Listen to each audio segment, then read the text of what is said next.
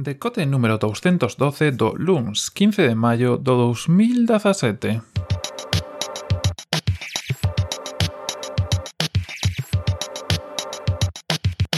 Bos días e benvidos a esta nova edición do Decote neste LUS que imos falar de moitas cousiñas que estiveron pasando o benres pasado e que, bueno, cando gravei o Decote do benres pasado pues non me deu tempo a falar telas porque ainda estaba un pouco en desenvolvemento, en desarrollo, están ocurrindo, pero xe sí, que imos falar un pouco do que tedes no título de este podcast. Imos falar do que pasou pois, en Telefónica, penso que en Iberdrola, pois, nos hospitais eh, de Reino Unido e en algún sitio máis, que é o tema do ransomware, de WannaCry e un pouco do, do que pasou en xeral.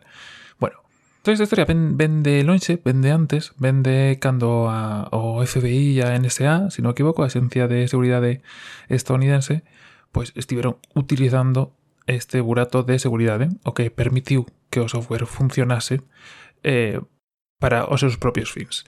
Pero, cando hubo pois as filtracións, unha das cousas que se filtrou foi este, este burato na seguridade de Windows e en algunhas das súas versións.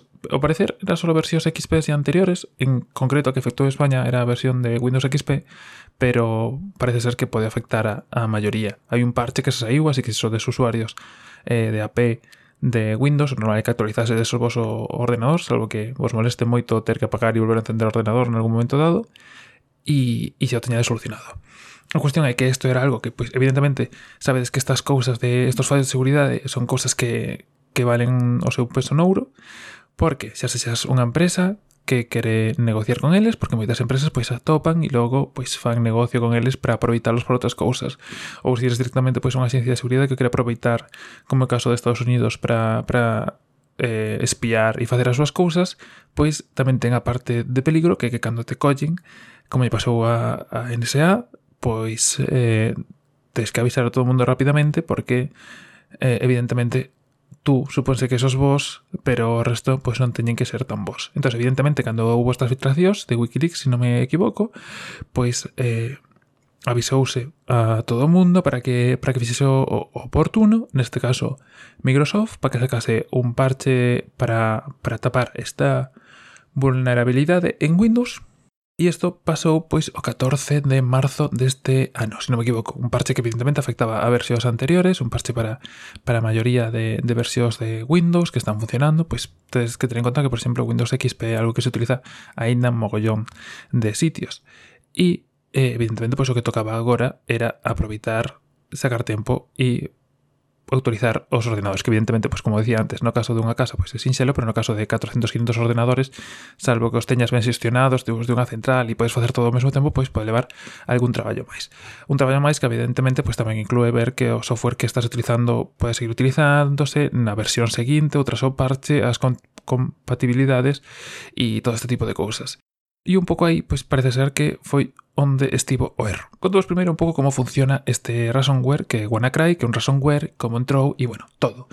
Digamos que isto ten tres partes. A primeira, que haxa un burato de seguridade dentro do sistema operativo que este ransomware poida eh, utilizar para eh, tomar as riendas, para coller, para facer o que lle dé a gana co sistema operativo.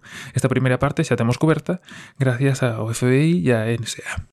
Logo, ten que haber unha forma de espallalo que se é un gusano. Un gusano, digamos que o que fai é eh, levar ese ransomware, esa cousa que, que se aproveita esa vulnerabilidade e pasala por moitos ordenadores para que afecte o máximo número. Isto parece ser que neste caso foi a través dun mail, dun envío masivo de mails que unha persoa abre o mail entra o gusano e este espárcese a través da rede. Por iso pasou en bancos, porque a través da rede interna do banco, pasou en hospitais, a través da rede interna dos hospitais, sabes que teñen, pois, como decir, un internet local, unha rede interna de comunicación, e foi a través desta, a través de que eh, se espallou este gusano que levaba dentro o ransomware que logo, evidentemente, tomaba, eh, facía eh, o que quería gracias a esa vulnerabilidade do sistema operativo. E logo, evidentemente, temos o ransomware. Neste caso, bueno, o ransomware que é evidente un malware, un, unha cousa mala que afecta ao sistema operativo, vamos a decirlo así, moi cordialmente, pois o que facía, o que fa o ransomware é tomar a coller o sistema operativo, bloquealo e pedirche, como neste caso, ou, ou este foi o caso, que pagues bitcoins por ser unha tipo de moeda irrastreable eh, para poder volver a desbloquealo. Se si non pagas, pois desfaise toda a información, borra todo o contido para que non poidas. Outra razón para eh, facer copias de seguridade do disco e de todo o que teñas pois sempre que, que poidas. Sobre todo agora con programas como que falamos por aquí de Backblaze e similares que te fan sen que te enteres de nada na nube, pois cosa bastante interesante. E como os digo, pois este WannaCry, que é un tipo de, de, de ransomware xa coñecido por, por moita xente, pois o que fixo é bloquear todos estos ordenadores e eh, pedir pois, un rescate a cambio da información dos ordenadores. Por isto, pois as dúas cosas. Primeiro, esa carta que se viu por ahí de Telefónica pidiendo a xente que apague os ordenadores para evitar que se seguise eh, expandindo a través da rede interna, porque unha vez que entra a través dun mail na rede interna, pois xa non fai falta que o resto do mundo abra o mail, non sería non é tan tan complicado, simplemente a través da propia rede interna, dos sistemas de comunicación que teñen internos, pois xa se espalla. Eh, digamos que ata aí é parte. Logo, eh, a segunda parte que máis ou menos, ou polo que se poido ver, eh, chegou ao seu fin, puderon paralo de alguna forma. E o curioso desto é que, como casi todas as cousas nesta vida, ou casi todas as cousas que se programan, tiña un botón vermello de por si acaso. E ao parecer, eh, o que ocorreu foi que un investigador de Reino Unido, se non me equivoco, eh, deu co... Eh, dominio o que acudiría en caso de parada de emerxencia. Como funciona isto? Pois basicamente o que fai isto é eh, cada vez que empeza unha, a espallarse por un novo sistema, cada vez que chega a unha nova rede interna e se empeza a espallar, fai unha comprobación cun dominio. Se si ese dominio pois hai, unha, hai algo, este para, se si non hai nada, pois sigue. Eh, o investigador de Reino Unido descubriu cal era o dominio que facía ao que chamaba, o que miraba se había algo, comprouno, porque pois, somos así, non, non facemos un ataque que lle estará millóns de dólares, pero logo non compramos un simple dominio de 10 euros. E, eh, pois, simplemente, pois, con eso, cando fixo a seguinte chamada, xa o parou. Evidentemente, isto é algo fácil, sinxelo de cambiar, eh, modificar o dominio e, bueno, nada, nada complexo. E máis ou menos isto que pasou. Evidentemente isto vai seguir pasando, o tema das vulnerabilidades é un mercado super interesante para todo o mundo, eh, dende, pois eso, agencias de seguridade, ata as propias, eh, digamos, Microsoft, Apple e similares, que neste caso, isto afectou a Microsoft, pero son tipos de cosas que poden afectar perfectamente a calquer tipo de, de empresa. É dicir, en Apple non hai virus, pero este tipo de cousas hai vulnerabilidades en casi todos os sistemas operativos, moitas delas descoñecidas, porque as coñecidas pois vanse parcheando, e algunhas, como neste caso, son coñecidas, pero non se dan a coñecer porque se están utilizando con, con outros fins. Así que, un pouco ter cuidado, ter copias de seguridade e, e andar con ollo de estar actualizado sempre a, a último. que de todas formas, pois, podemos pasar a todos pois, o das copias de, de seguridade.